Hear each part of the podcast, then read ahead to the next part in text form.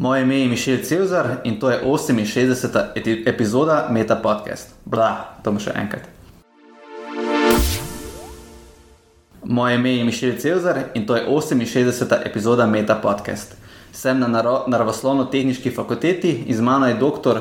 Jure Ahtik, doktor znanosti. z področja grafične tehnologije. Pa če mogoče kar ti poveš naslov svoje doktorske teme.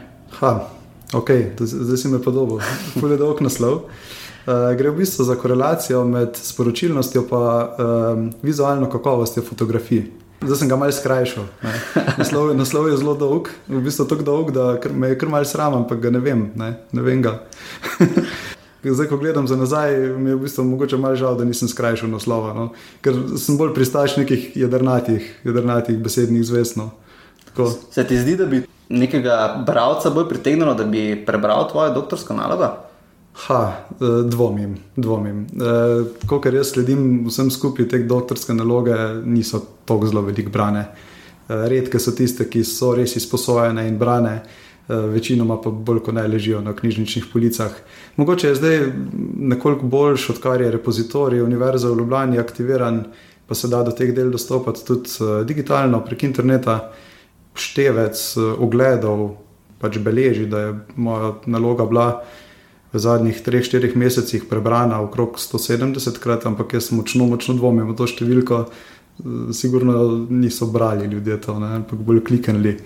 Zdaj, če bi bil bolj kratek naslov, ja, morda, ampak dvomim. Ko si prišel na to temo? Mm, V bistvu do teme sem prišel kar sam. Eh, Zdaj, ko jaz sem bil najprej zaposlen od leta, da bom zdaj prav rekel, od leta 15, eh, kar nekaj časa kot tehnički sodelavec na NTF. Potem pa je prišla želja do tega, da bi napredoval, da bi postal asistent in podobno. Skupaj s tem pride pa seveda tudi upis doktorskega študija. In takrat sem imel možnost, da se sam odločim, kaj bi raziskoval. In ker sem bil in sem po duši fotograf in me to zanima, sem si pač našel temo, ki mi bo zelo ustrezala. Tukaj v bistvu stvar ni tako zelo enostavna, kot se sliši, ker ice znanost iz nečesa tazga, kot je fotografija, ni čisto uh, simpel. Ne? Zelo hitro ali padeš v elektrotehniko, ali v matematiko, ali v kemijo. Skratka, mogel sem najti nekaj tazga, kar uh, bo meni zanimivo in kar me bo dejansko obdržalo pri študiju. Ne? Da bom imel interes vse čas in tako naprej, da bom užival v tem. Jaz pač karkoli počnem, in službeno, in sicer želim, da temelji na tem, da sem ob tem zadovoljen. Ne? In to se mi zdi bistveno. Pač sem imel to možnost, tudi mentorica me je pri tem podprla, da sam predlagam in formiram temo področja raziskovanja. Si bil financiran kot mladi raziskovalec? Ne, ne, ne. E, Mene je v bistvu financiral delodajalec.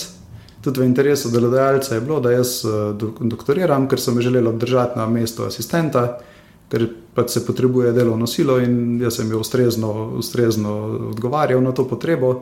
Tako da, ja, delodajalec mi je omogočil brezplačen študij. Kako je s to zaznavo slike ali pa fotografije, kaj ljudje gledamo na, na sliki? Ja, to je v bistvu zelo odvisno tudi od kulturnega okolja, odkje prehajaš. Ne. Prav imaš, slika je tista, ki zelo pritegne. Pritegnejo, uh, pritegnejo stvari, ki so nam zanimive, ki nas pritegnejo, ki nas šokirajo, ki izstopajo iz svoje okolice, vizualno tudi. Ne. Če opazujemo, uh, mogoče čisto, kako se vizualno razvijajo mediji ali pa spletne strani v končni fazi, ne, uh, vedno več je podarka na nekih izčiščenih, nasičenih, kontrastnih vsebinah, pa ne gre za headline, ne gre za podobe. Eh, Krasen primer recimo, je prenova Kickstarter spletne strani zdaj pred dnevi, ki so jo v bistvu čisto čistili, um, zminimizirali in dali v bistvu fokus na projekte, na slike projektov. Ne. In uh, kaj je zdaj tisto, kaj nekoga pritegne? Ja, različne stvari, ne, odvisno od tega, koga nagovarjaš, kdo je, ta, uh, kdo je tvoja ciljna skupina. Uh, če si nek medij, verjetno želiš šokirati, ne, pa bodo to novice, ki bodo bolj pritegnile. Če si, če si recimo neka novičarska stran, boš uh, pritegnil z rdečo barvo, ne, pa z nek breaking news uh, stilom oblikovanja. Ni nujno samo fotografija tista. Ne. Fotografija je pač neka ploskovna upodobitev nečesa, zasičena z elementi in tako naprej, ki jo pač likovno mi beremo, kot jo beremo. In gre zgolj za tehniko upodobitve, ki je fotografija. Ne? Na enak način lahko beremo tudi piktograme, ilustracijo eh, ali pa v končni fazi nek headline na nekem obarvanem ozadju. Ne? Omenil si, da ne vsi isto, so tu mogoče kakšne kulturne razlike, recimo med zahodnim svetom in vzhodnim svetom, če mogoče veš, kako gledamo slike. No, to je fajno vprašanje. V bistvu s tem se študenti malo pozabavamo, vsake tok. Naprimer, eh, na zahodu beremo z leve proti desni. Eh, na vzhodu, običajno, recimo v arabskem svetu, in podobno berejo z desne proti levi. Zato je tudi kompozicija fotografije lahko temu podrejena. Ne? Torej, če bi zdaj poenostavil stvari. Na zahodu uh, začneš pripovedovati na fotografiji na začetku bolj pomalem in zaključiš v bistvu z neko nasičeno vsebino ali pa z nekim klimaksom proti koncu fotografije. Torej, da opazovalca, uh, ki bo fotografijo gledal iz leve proti desni, uh, šokiraš, presenetiš, zadovoljiš na koncu. Če bi naredil kontrasituacijo, bi ga v bistvu na koncu, bi ga že na začetku šokiral, potem pa pustil praznega. Ne? In um, bistvo boljši je v bistvu orientirati čist kompozicijo podobe na ta način, da pride bistvo na koncu. Stvar je seveda zrcalna potem na vzhodu. Naučeni smo brati, tako kot beremo tekst, beremo tudi podobo. Tema tvoje doktorske naloge se je fokusirala na to eh, korelacijo oziroma povezanost med objektivno in subjektivno ovrednoteno vizualno kakovostjo. Če, če prav razumem, si poskušal ocenjevati neko subjektivno kvaliteto mm -hmm. slike in kakšna je povezava te subjektivne z neko objektivno. Kako si meril to subjektivno kvaliteto slik? Okay. Uh, zdaj, tako, merske metode so bile tri, ki sem jih uporabil. Zdaj, subjektivna merska metoda je vključevala v bistvu razvoj ene spletne strani, na katero sem uh, apliciral ogromno nekih, nekih fotografij. Uh, začetek sem, če začnem še bolj na začetku, no, začetek sem izdelal bazo fotografij. 30 fotografij, ki sem jih pol popačal na takšne in drugačne načine, da sem dobil v bistvu na koncu, mislim, da če bom zdaj prav rekel, 1140 slik, veliko bazo, deljeno s 30, dobimo približno število popačitev na vsako od slik. In potem sem razvil to spletno aplikacijo, na kateri sem uporabnike soočil Eh, z različnimi popačitvami. Torej, uporabnik je na ekranu videl eno sliko, popačeno na dva načina, in se je odločil, čisto čustveno, lahko tudi glede na to, katera podoba mu je bolj sprejemljiva, bolj všeč. Čisto konkretno je bil recimo soočen s podobo, ki je imela zelo visok šum, pa s podobo, ki je neostra, in je pač zbral tisto, ki se mu zdi bolj sprejemljiva. In na ta način sem zbral kar ogromno enih odzivov, v bistvu nekih odločitev znotraj para, para popačitev. Uh, in iz tega sem lahko speljal neke zaključke, no, dobre. Um, zdaj uh, mislim, da je bilo zbranih okrog 50 tisoč odločitev, glede par, torej 50 tisoč parov, 50 tisoč odločitev, kater parameter popačenja je bolj sprejemljiv opazovalcu. Kako si izbral ta začetni vzorec, teh mm -hmm. 38 slik, po drugi strani, kaj je bila metrika uporabnikov spletne strani, kako so označevali slike. Se pravi, so imeli spodaj ne vem, nek, nek drsni gumb in so, in so rekli, tam je bolj všečna, bolj spremljiva. E, za najprej drugo vprašanje, da ne pozabim odgovoriti. Ne, samo klik na sliko, ki je boljša. Šlo je v bistvu za to, da so se odločili hitro. Vsak je mogel sprejeti okoli 150 odločitev. Za eni uporabniki, ki so to testirali, so na koncu pripomnili, da je trajalo celo večnost, pa v bistvu ni bilo tako dolg, mislim, da je vzelo enih šest minut, ampak se je zdelo kot, kot večnost, ker, ker ni bilo in ni bilo konca. Zato sem hotel v bistvu zadevo čim bolj olajšati, narediti čim bolj nebolečo, zato da bi čim več uporabnikov res ustrajalo do konca. Torej, klik na sliko, ki ti je bolj všeč. In klik v bistvu umakne obstoječi par in prikaže tudi naslednji par. Vse skupaj se je pa lepo beležilo v NCSV, ki sem ga pa lepo analiziral. Uh, prvo vprašanje, uh, kako sem uh, to bazo fotografij sestavil. Eh, v bistvu mene je zelo zanimal vpliv kompleksnosti podobe na uh, zaznavo. Torej, koliko detajlov, koliko elementov je na neki podobi uh, in kako to potem tudi vpliva uh, v soodvisnosti uh, s temi parametri vizualne kakovosti na samo sprejemljivost, recimo fotografije. Tako da sem v bistvu podobe uh, teh 30 osnovnih fotografij razvrstil od najmanj do najbolj kompleksne ali pa je bilo obratno, da se ne spomnim več. Skratka, eh, vrstni red je bil definiran glede na kompleksnost. Kompleksnost sem pa v bistvu določil čist eh, z eno slikovno analizo, sem, sem, določil, sem določil en, en threshold, pa potem preštel, preštel eh, bele in črne pike, pa, pa postavil neke pragove kompleksnosti podobe. Kaj pa obiskovalce te, te svoje spletne aplikacije? Kje si recimo promoviral? Ali si tudi recimo IP naslove filtriral glede svojih obiskovalcev, si se hotel ne umiti samo na zahodni svet, recimo, ali si hotel imeti globalen, globalen vzorec mm -hmm. teh, ki so ti to ocenjevali? Ja, želel sem si imeti čim bolj širok vzorec, zagotovo. Uh, pomagal sem si večinoma z družbenimi omrežji ali pa čez direktnimi e-maili, prošnjami in tako naprej. Uh, tudi na nekatere raziskovalne ustanove, s katerimi sodelujemo in podobno. Nisem avtomatično skrbel nobenih informacij, Uh, sem pa na začetku vprašal vsakega ocenjevalca, najprej sem seveda pozdravil, razložil, zakaj gre, potem pa vljudno prosil, če uh, upišejo, koliko so stari, katerega spola so, pa iz katere države prihajajo. V bistvu sem se zanašal na, uh, na v bistvu neko poštenost tistega, ki ocenjuje. No. Na koncu nekih uh, bistvenih anomalij ni bilo. V bistvu so bili, ko sem analiziral rezultate, pa preštevil malo te države, mislim, da je bilo 14 držav na koncu. In uh, so se stvari ujemale s tem, kar sem v bistvu že vedel. Vedel sem, da so vem, trije Japonci to rešili in dejansko so se pa trije Japonci pojavili tudi v, v rezultatih in podobno. Tako da, uh, zdaj, če se je kdo, če se je kdo mal pohecal, se pač zgubil statistike. No. Zdaj pa, če nam lahko, prosim, več poveš o objektivnem ovrednotenju.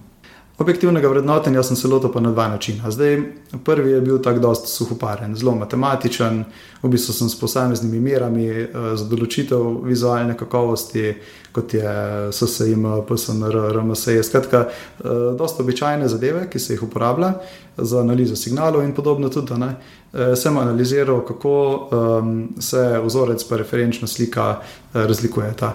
Tukaj je šlo v bistvu za uh, primerjavo uh, nepopačene slike s popačenimi različicami. In sem numerično vrednoto, kako vizualno kakovostna je neka podoba, glede na to, na kak način je popačena, pa kako močno je popačena.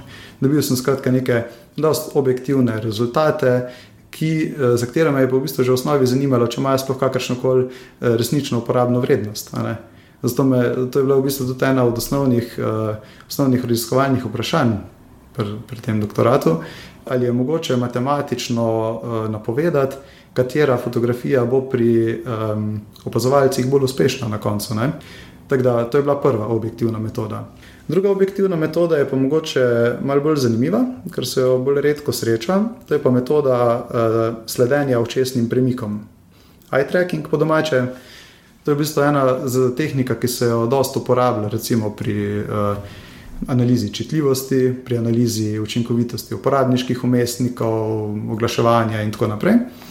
Mene je pa v bistvu čisto zanimalo, ali bi se dal to metodo uporabiti tudi za analizo spremembe načina gledanja neke slike, glede na to, kako je slika popačena. Torej, na kak način se spremeni način zaznave, če neko fotografijo. Uh, če neki fotografiji, naprimer, vzamemo barve ali pa če jo potemnimo ali pa posvetlimo, kako drugače ljudje zdaj to fotografijo gledamo. Tako da uh, zdaj ta eye tracking, um, različni raziskovalci uh, različno razvrščajo. Eni ga razvrščajo med subjektivne metode, ker pač vendarle delamo z nekim konkretnim opazovalcem. Eni ga razvrščajo med objektivne metode, ker pač vendarle merimo nekaj zelo konkretnega na zelo objektiven način, in več je teh slednjih. Ne? Zato smo se tudi mi potem odločili zadevo uvrstiti med objektivne metode. Je pa to morda stvar, stvar neke razprave. Ti si gledal, kako se oko premika ja. po sliki. Tako. Se pravi, si videl na ekranu, kako je naše oko potovalo po sliki. Tako. In kako si iz tega razbral neko um, vizualno kakovost? Uh, v bistvu sem tukaj um, ocenjeval, kako velika je sprememba v načinu gledanja. Torej, kaj sem jaz meril? Jaz sem meril poglede, torej premike pogleda in pa zaustavitve pogleda. Mersko gledano to zgleda tako, da um, več daljša kot je zaustavitev pogleda, večji krogec se ti zriše. Torej, večja je verjetnost, da se bo na tisti točki, ker se je pogled ustavil, pa se dalj časa zdržal, da bo širina te točke, ogledana širina te točke, pač površinsko večja. In v bistvu jaz sem na koncu uh, sestavil vse te zaustavitve pogledov, čez grafično, jih seštevil in sem dobil v bistvu neke, uh, neke skupke nekih točk, vseh zaustavitev pogledov, vseh opazovalcev, neke podobe. In potem sem to primerjal z zaustavitvami pogledov na referenčnih fotografijah. In so se rezultati zelo, zelo, zelo dobro poklopili s subjektivnim testiranjem. Zdaj, subjektivno testiranje sem vzel kot neko referenco. ker pač v končni fazi mene je zanimalo, kako ljudje gledamo. Ne? In če človeka to vprašaš, oziroma zelo veliko ljudi to vprašaš, lahko sklepaš, da ljudje pač na tak način zaznavamo, da nam je nekaj bolj sprejemljivo, nekaj manj sprejemljivo. In ugotovil sem v bistvu odlično, zelo močno korelacijo med subjektivno metodo, torej to spletno aplikacijo, in pa to metodo uh, sledenja očesnim premikom. Torej, sprememba načina gledanja je bila večja tam, kjer je bila sprejemljivost pri subjektivni analizi manjša. Zdaj, ko si prej omenil nekaj matematičnih metod, ki se uporabljajo tudi pri analizi signalov.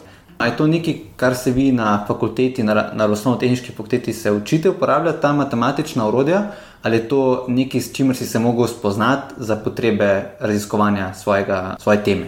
No, zdaj, jaz na svoji študijski poti se s tem nisem srečal, tako da sem pač se lahko sam s tem soočiti, pa sem se.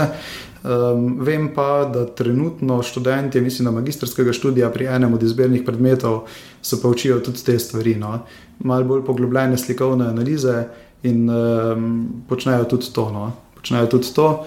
Ampak vse pri teh uh, omenjenih matematičnih merah ne gre za, za neko pretirano težko matematiko. Ne? Uh, tako da to mi nekega prehudega izziva ali pa neke zaustavitve na raziskovanju ni povzročilo. No? Zdaj, ti si tudi razčlenil v svoji doktorski nalogi več uh, parametrov teh vizualne kakovosti. Uh mhm. -huh. In kot sem opazil, med enimi si ugotovil boljšo korelacijo uh mhm. -huh. med subjektivno in objektivno um, vrednotenjem te kakovosti slike, med enimi pa slabšo. Pa če lahko, mogoče malo več o tem poveš. Okay. Uh, zdaj tako. Korelacija, ugotovljena korelacija med subjektivno metodo, torej s to spletno stranjo, in pa objektivno metodo sledenja očesnim premikom, je bila zelo močna praktično v vseh parametrih. Če pa primerjam subjektivno metodo z matematičnimi merami, se je pa izkazalo, da je korelacija močna samo pri parametrih, kjer govorimo o spremembi svetlosti, eh, ne pa pri parametrih, kjer govorimo o spremembi strukture. Zdaj, pri spremembi svetlosti gre za naprimer, eh, parametre oziroma svetlosti, spremembah osvetlitve, pravilne. Ne? Zato, ker uh, sem štejemo spremembe svetlosti, spremembe kontrasta, uh, spremembo, kaj je še bilo. Zdaj sem že malo mal pozabil nasičenosti barv. Torej, to so parametri, pri katerih se je dalo korelacijo med subjektivno metodo in pa matematičnimi merami zelo dobro prikazati, ugotoviti. Medtem ko parametri, kot je recimo popačenje zaradi močne kompresije, visokega šuma, um, nasilnega povečevanja slike in podobno, ker pa vplivamo na spremembo strukture, tukaj pa močne korelacije nismo ugotovili, torej med subjektivno metodo in pa uporabljenimi matematičnimi merami. So, uh, obstajajo tudi matematične mere, ki smo jih zasledili potem, kasneje, šele v člankih in podobno, ki naj bi boljš napovedovali to vizualno kakovost ampak so prišle, v bistvu so bile objavljene šele kasneje, torej potem, ko smo mi zaključili raziskavo. Ne. Tako da jaz verjamem, da obstajajo tudi matematični modeli, ki bi bolj natančno znali napovedati. Očitno si oral ledino takrat, ko si pisal to doktorsko nalogo. Ja, sigurno sem jo oral na področju um, sledenja očesnim premikom in uporabe te metode v, na tak način. To zagotovo. Kolikšen del, recimo ti parametri, so se nanašali predvsem na osvetljenost slike? Kolikšen del bi rekel, da je tu mogoče pomemben, zaradi tega, ker enostavno osvetlitev pomeni, da tudi sami več podrobnosti ali pa več slike lažje zajamemo z očesom. Se pravi, če imamo neko zatemnjeno sliko, je težje, da moramo bolj namučiti, da razberemo neke podrobnosti slike, Uh, ja, se točno za to gre, točno to je mene zanimalo. Sam mene je v bistvu pa še zanimalo, kater parameter je tisti, ki na to bolj vpliva, kater pa manj. A je zdaj bolj pomembno, da je slika ustrezno svetla ali ustrezno kontrastna in podobno. Ne? Kje bojo te spremembe v zaznavi, kje bo sprejemljivost uh, nižja, višja, pri katerem parametru. Ne? Eh, logično pa je, se veliko stvari se da v bistvu že napovedati. Seveda, če je slika ustrezno osvetljena, eh, jo bomo le, lažje brali, bo njena sporočilnost ali pa njena komunikacijska vrednost toliko boljša, kot pa če slika ni ustrezna. Jasno. Ne? Ehm, mene je predvsem zanimalo, naprimer, čist konkreten primer. Se zgodi nekaj zelo pomembnega. En fotograf uspe to na hitro pofotkati. Urednik časopisa je soočen z eno fotko, ki je preslabo osvetljena, pa z eno fotko, ki ni ostra. Katero bo dal na naslovnico? Ne? Čist take konkretne zadeve. Ne? To, to me je zanimalo. No. Kaj bi predlagal poslušalcem, ki radi fotografirajo, kaj si se ti naučil iz, iz tvojega raziskovanja, ki ti pa recimo mogoče čist praktično pomaga pri ustvarjanju boljših fotografij? Um, mogoče čist za vsakega fotografa, čist najbolj tak enostaven na svet. Bolj kot je fotografija kompleksna, lažje v njej skrijemo napake. In to se da zmeriti, in to sem dokazal. Bolj kot je fotografija prazna, lažje bojo na njej zaznavne strukturne napake. E, tako da pri vsebinsko zelo nasičenih podobah si lahko v smislu kakovosti privoščimo e, več njih kiksov, ne, kot pa pri bolj izpraznjenih fotografijah. To je recimo en tak čist konkreten nasvet. Zdaj, naprimer, če imamo na fotografiji zelo malo elementov, naprimer ptica na nebu, se bojo zelo hitro opazila neka popačenja v smislu šuma ali pa kompresijska popačenja, ki se bojo pa pri neki fotografiji, naprimer eh, krošnje drevesa, zelo hitro lahko skrile. Ne? To je konkreten nasvet. Zdaj, da bi bilo pa zelo veliko nekih teh konkretnih nasvetov, do katerih bi prišel skozi to svoje delo, uh, za vsakega fotografa, pa ne bi mogel ravno trditi. No. Uh, je vendar le stvar, še v tako zelo raziskovalni fazi, marsikaj je treba še tle uh, narediti, da bi lahko uh, sestavil nek spisek nekih nasvetov na podlagi tega raziskovanja. Si na koncu, recimo, naredil kakšen program ali pa aplikacijo, v katero lahko mogoče nekdo kot vhodni podatek da noter sliko in mu program vrže nazaj neko objektivno mero sporočilnosti ali kakovosti te slike. Eh, to je bil v bistvu eden od, uh, ena od želja na začetku raziskovanja, ampak skozi obseg te raziskave do tega nismo prišli. Torej, uh, korelacija z temi matematičnimi merami ni bila tako visoka, da bi lahko nekaj tako zanesljivega naredil, oziroma da bi bilo smiselno narediti, da bi bilo to zares uporabno. Še vedno mislim, da se to da, ampak bi bilo treba uporabiti uh, drugačne matematične mere za določitev vizualne kakovosti, ki bistveno bolj upoštevajo tudi opazovalca. Te, uh, ki sem jih jaz uporabil, opazovalce ne upoštevajo do te mere, da bi zadeva dala neke uh, zares relevantne rezultate. Uh, jaz verjamem, da bom enkrat prišel do tega, ker pač raziskave se nadaljujejo na tem področju, me tudi zanima. In osnovna želja je že na začetku bila ja, točno ta, ki si jo ti zdaj omenil, narediti program, v katerega boš vrgel dve fotki in ta program ti bo rekel, to fotko uporabi. Čeprav uh, mogoče me bo, me bo volja zapustila uh, zaradi vseh Googlovih algoritmov, ki to počnejo čudovito in prekrasno, in uh, sploh ne vem, zakaj bi se še matrali. Njihove ekipe raziskovalcev so tako močne, da je bolj stvar, um, stvar volje pri teh stvareh. Če se bojo nekaj zaželeli, bojo pač to imeli, pa naredila. Ne? In se mi, zdi, se mi zdijo to logični naslednji koraki. Ne? Segmentiranje slik, glede na vsebino, je samo še začetek. No? Se, se v bistvu smo še le trčili v, v, to, v, te, v te zmožnosti, ki jih imamo. Ne? Mene kot fotografa to konkretno zelo veseli, ker ni treba več ročno uh, določati ključnih besed fotografijam. Uh, to je bilo včasih zelo mukotrpno delo. Si prišel z nekega potovanja, te je čakalo potem določanje nekih keywordov in tako naprej, da si se sploh znašel med svojim fotkam. Um, in kar naenkrat tega več ni treba početi. Zdaj, če bo prišel potem še algoritem, ki ti bo fotke še po kakovosti razvrstil, vse to že obstaja na določenih kamerah. Naprimer, ne? Kamera ti naredi uh, sekvenco nekih fotografij, nekega dogodka, nekega hitrega giba in ti potem sama predlaga, katera fotografija od teh je pa najboljša. Ne? Skratka, na tem se full dela. Čisto konkretno, jaz mislim na določene uh, rezultate, tele, tele moje. Uh, tega mojega raziskovanja bi se dalo krasno uporabiti, uh, predvsem za preverjanje teh objektivnih principov strojnega videa in tako naprej na konkretnih uporabnikih, pa ugotavljanje, če so ti rezultati res merodajni. Sploh zelo veliko eh, velik upanja dajem na to metodo sledenja očesnim premikom. Ker dejansko zelo, zelo natančno zmerimo točno to, noben nas ne more tam pretentati in podobno. Uh, zelo natančno zmerimo, kaj, kaj je ljudem všeč, kaj ljudje dobro zaznavajo, kaj slabše zaznavajo, kje se zgodi dejansko sprememba. In preverjanje nekih parametrov in posledično zaupanje v take, pardon, ne parametrov, algoritmov in posledično zaupanje v te algoritme bo, bo odločilno. Sej, uh, če ti nekdo reče, da je ta algoritem rekel, da je to bolj kakovostno od tega, ja, jaz ne bi kar tako slepo verjel. Bi si želel te stvari tudi preizkusiti. Je to res, lahko temu algoritmu res zaupamo. Ne? In ta eye tracking pač to vrže ali pa, ali pa ne. ne.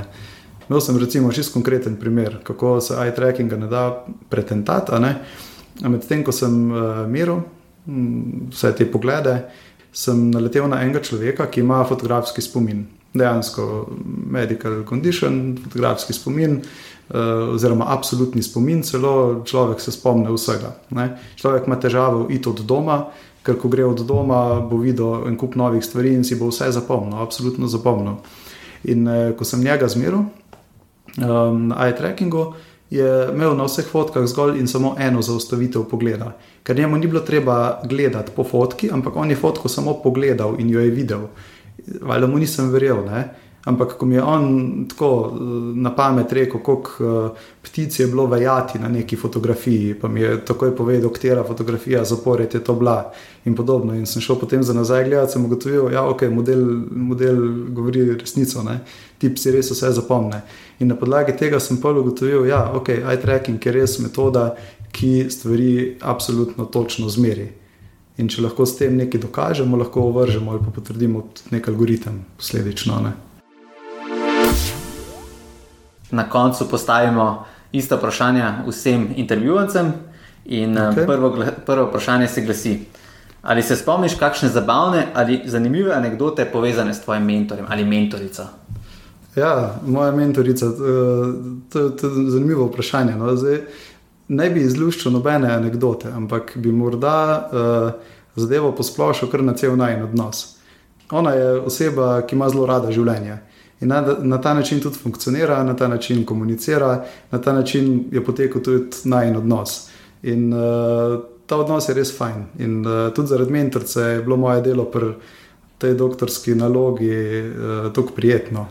Tako da ne bi izluščil nobenega posebnega dogodka, ampak bi kar posplošil. Cel najen odnos je bil zelo fajn in je še vedno, seveda. Kako so se dopisa do danes spremenila tvoje pričakovanja glede doktorskega študija in ali bi se še enkrat odločil za študij? Ja, tako le. Jaz imam to srečo, da delam v službi, v kateri mi je res fajn. E, namreč večkrat se pohecam, da sem plačan za stvari, ki bi jih tako počel za hobi. In uh, ja, še enkrat bi se odločil za doktorski študij, ker mi uh, ta doktorat omogoča, da ostanem v tej službi in da napredujem. Tako da, ja, še enkrat bi šel študirati po isti poti, uh, morda bi se zadeve lotil že malo prej, da bi bil že malo prej konec in tako naprej, ampak odgovor je pa vsekakor da, ja, še enkrat. Če bi imel priliko iti na kavo s predsednikom vlade, kaj bi mu predlagal, da izboljša na področju znanosti? Ja, jaz delujem na raziskovalnem področju, ki je relativno mlado. Torej, študij grafike je bil na ULO ustanovljen tam leta 97, 96, 97, um, kar pomeni, da posledično nimamo programske skupine, še vedno ne in podobno. In so, uh, s tem so povezane, seveda, težave s financiranjem raziskav. Uh, zdaj, čist egoistično gledano, bi bil moj predlog predsedniku vlade v tem primeru ta, da ne se ne financira samo znanosti s pedigrejem ampak naj se uh, z občutkom dela tudi z mladimi znanostmi, ki puščajo močan družben vtis, uh, do katerih imajo eh, mladi velik interes, razvijajo se pa zelo težko. Kaj boš počel čez pet let in kaj čez 40 let? Zdaj, če bo vse po planu, bom čez pet let, torej vsaj docent ali pa kaj takega, torej učitelj tle na, na grafiki. Eh, torej bom, bom predaval, bom, bom užival v svojem delu, bom raziskoval naprej, seveda. Um, čez 40 let pa upam, da bom, ja, ha, kaj bom počel. Najbrž bom potoval, pa upam, da bom z zadovoljstvom gledal nazaj no, na, na storjeno, pa na prehojeno pot. Bi drugim doktorskim študentom predlagal kakšno tehniko za upravljanje s časom, ali pa računalniški program, ki ti je olajšal delo, ali pa mogoče kakšno metodologijo, ki, je, ki ti je prihranila čas ali energijo. Um, rekel bi jim, da se ne zgledujejo po meni, uh, ker vsekakor moj model uh, študija ni bil uh, vzoren. Ne. Torej, pri meni je vse skupaj trajalo predolgo, kaotično na trenutke in podobno, tako da ne, nimam konkretnega predloga.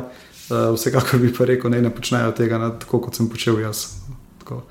Ampak si mislim, da glede na to, da si imel, ker je pač let samo toliko ur v dnevu, da žal, Ok. če, si kot, če nisi želel izgoreti, ne vem, kako bi drugače ti to uspelo. Uh, zdaj pač, re, recimo, da imam to srečo, da uh, pa sej taki, taki, takih nas je veliko, da bližje kot smo roko, bolj izjemno produktivni postanemo in, in ta segment pri meni kar dobro deluje. ne. Uh, pač, če čakam do zadnjega dne, bom takrat sposoben premikati gore. Zdaj, če je to dober nasvet, ne vem, ampak pri meni je to delovalo. Ja. Imaš kakšno priporočilo za knjigo, igro, film, spletno stran, podcast? Knjiga, ok. Na zadnje sem prebral knjigo Ready Player One, to je, to je dosta lušna zadeva, da se film snema po njej ZF, v bistvu dogaja se v prihodnosti, ker je eno, en, eno tako vezivo v družbi, eno družbeno, družbeno omrežje, na katerega se povežeš z neko virtualno čelado in tam živiš neko usporedno, uh, usporedno življenje. Ki postane v bistvu središče življenja marsikatere osebe. Zdaj, ali je ta knjiga vizionarska ali ne, ne vem, deloma zagotovo, vsekakor je pa zelo fajn za brati. Igra, igram igre, igram jih na telefonu, predvsem. Uši, uživam predvsem v raznih pixel art igrah uh, z dobro zgodbo.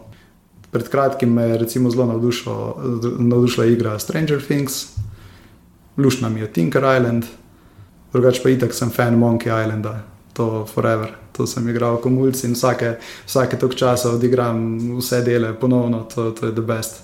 In kaj breš, Tripfoot je res majti. Filmi.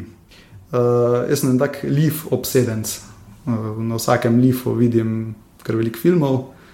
Uh, ne bi o tem, koliko imam rekord, ker me je mogoče malo sram, ampak letos sem jih videl 11, uh, pa to je zelo malo za meno. Tako da bi mogoče iz letošnjega Lifa priporočil tri plakate pred mestom. Ta film je bil res lušten, ali pa film Zabava, krasen, krasen film, vizualno, super, super kadri. Uh, filmi, film z malo dogodki, z malo protagonisti, zelo lušno. Kaj je bilo še vprašanje? Kakšno spletno stran ali podcast?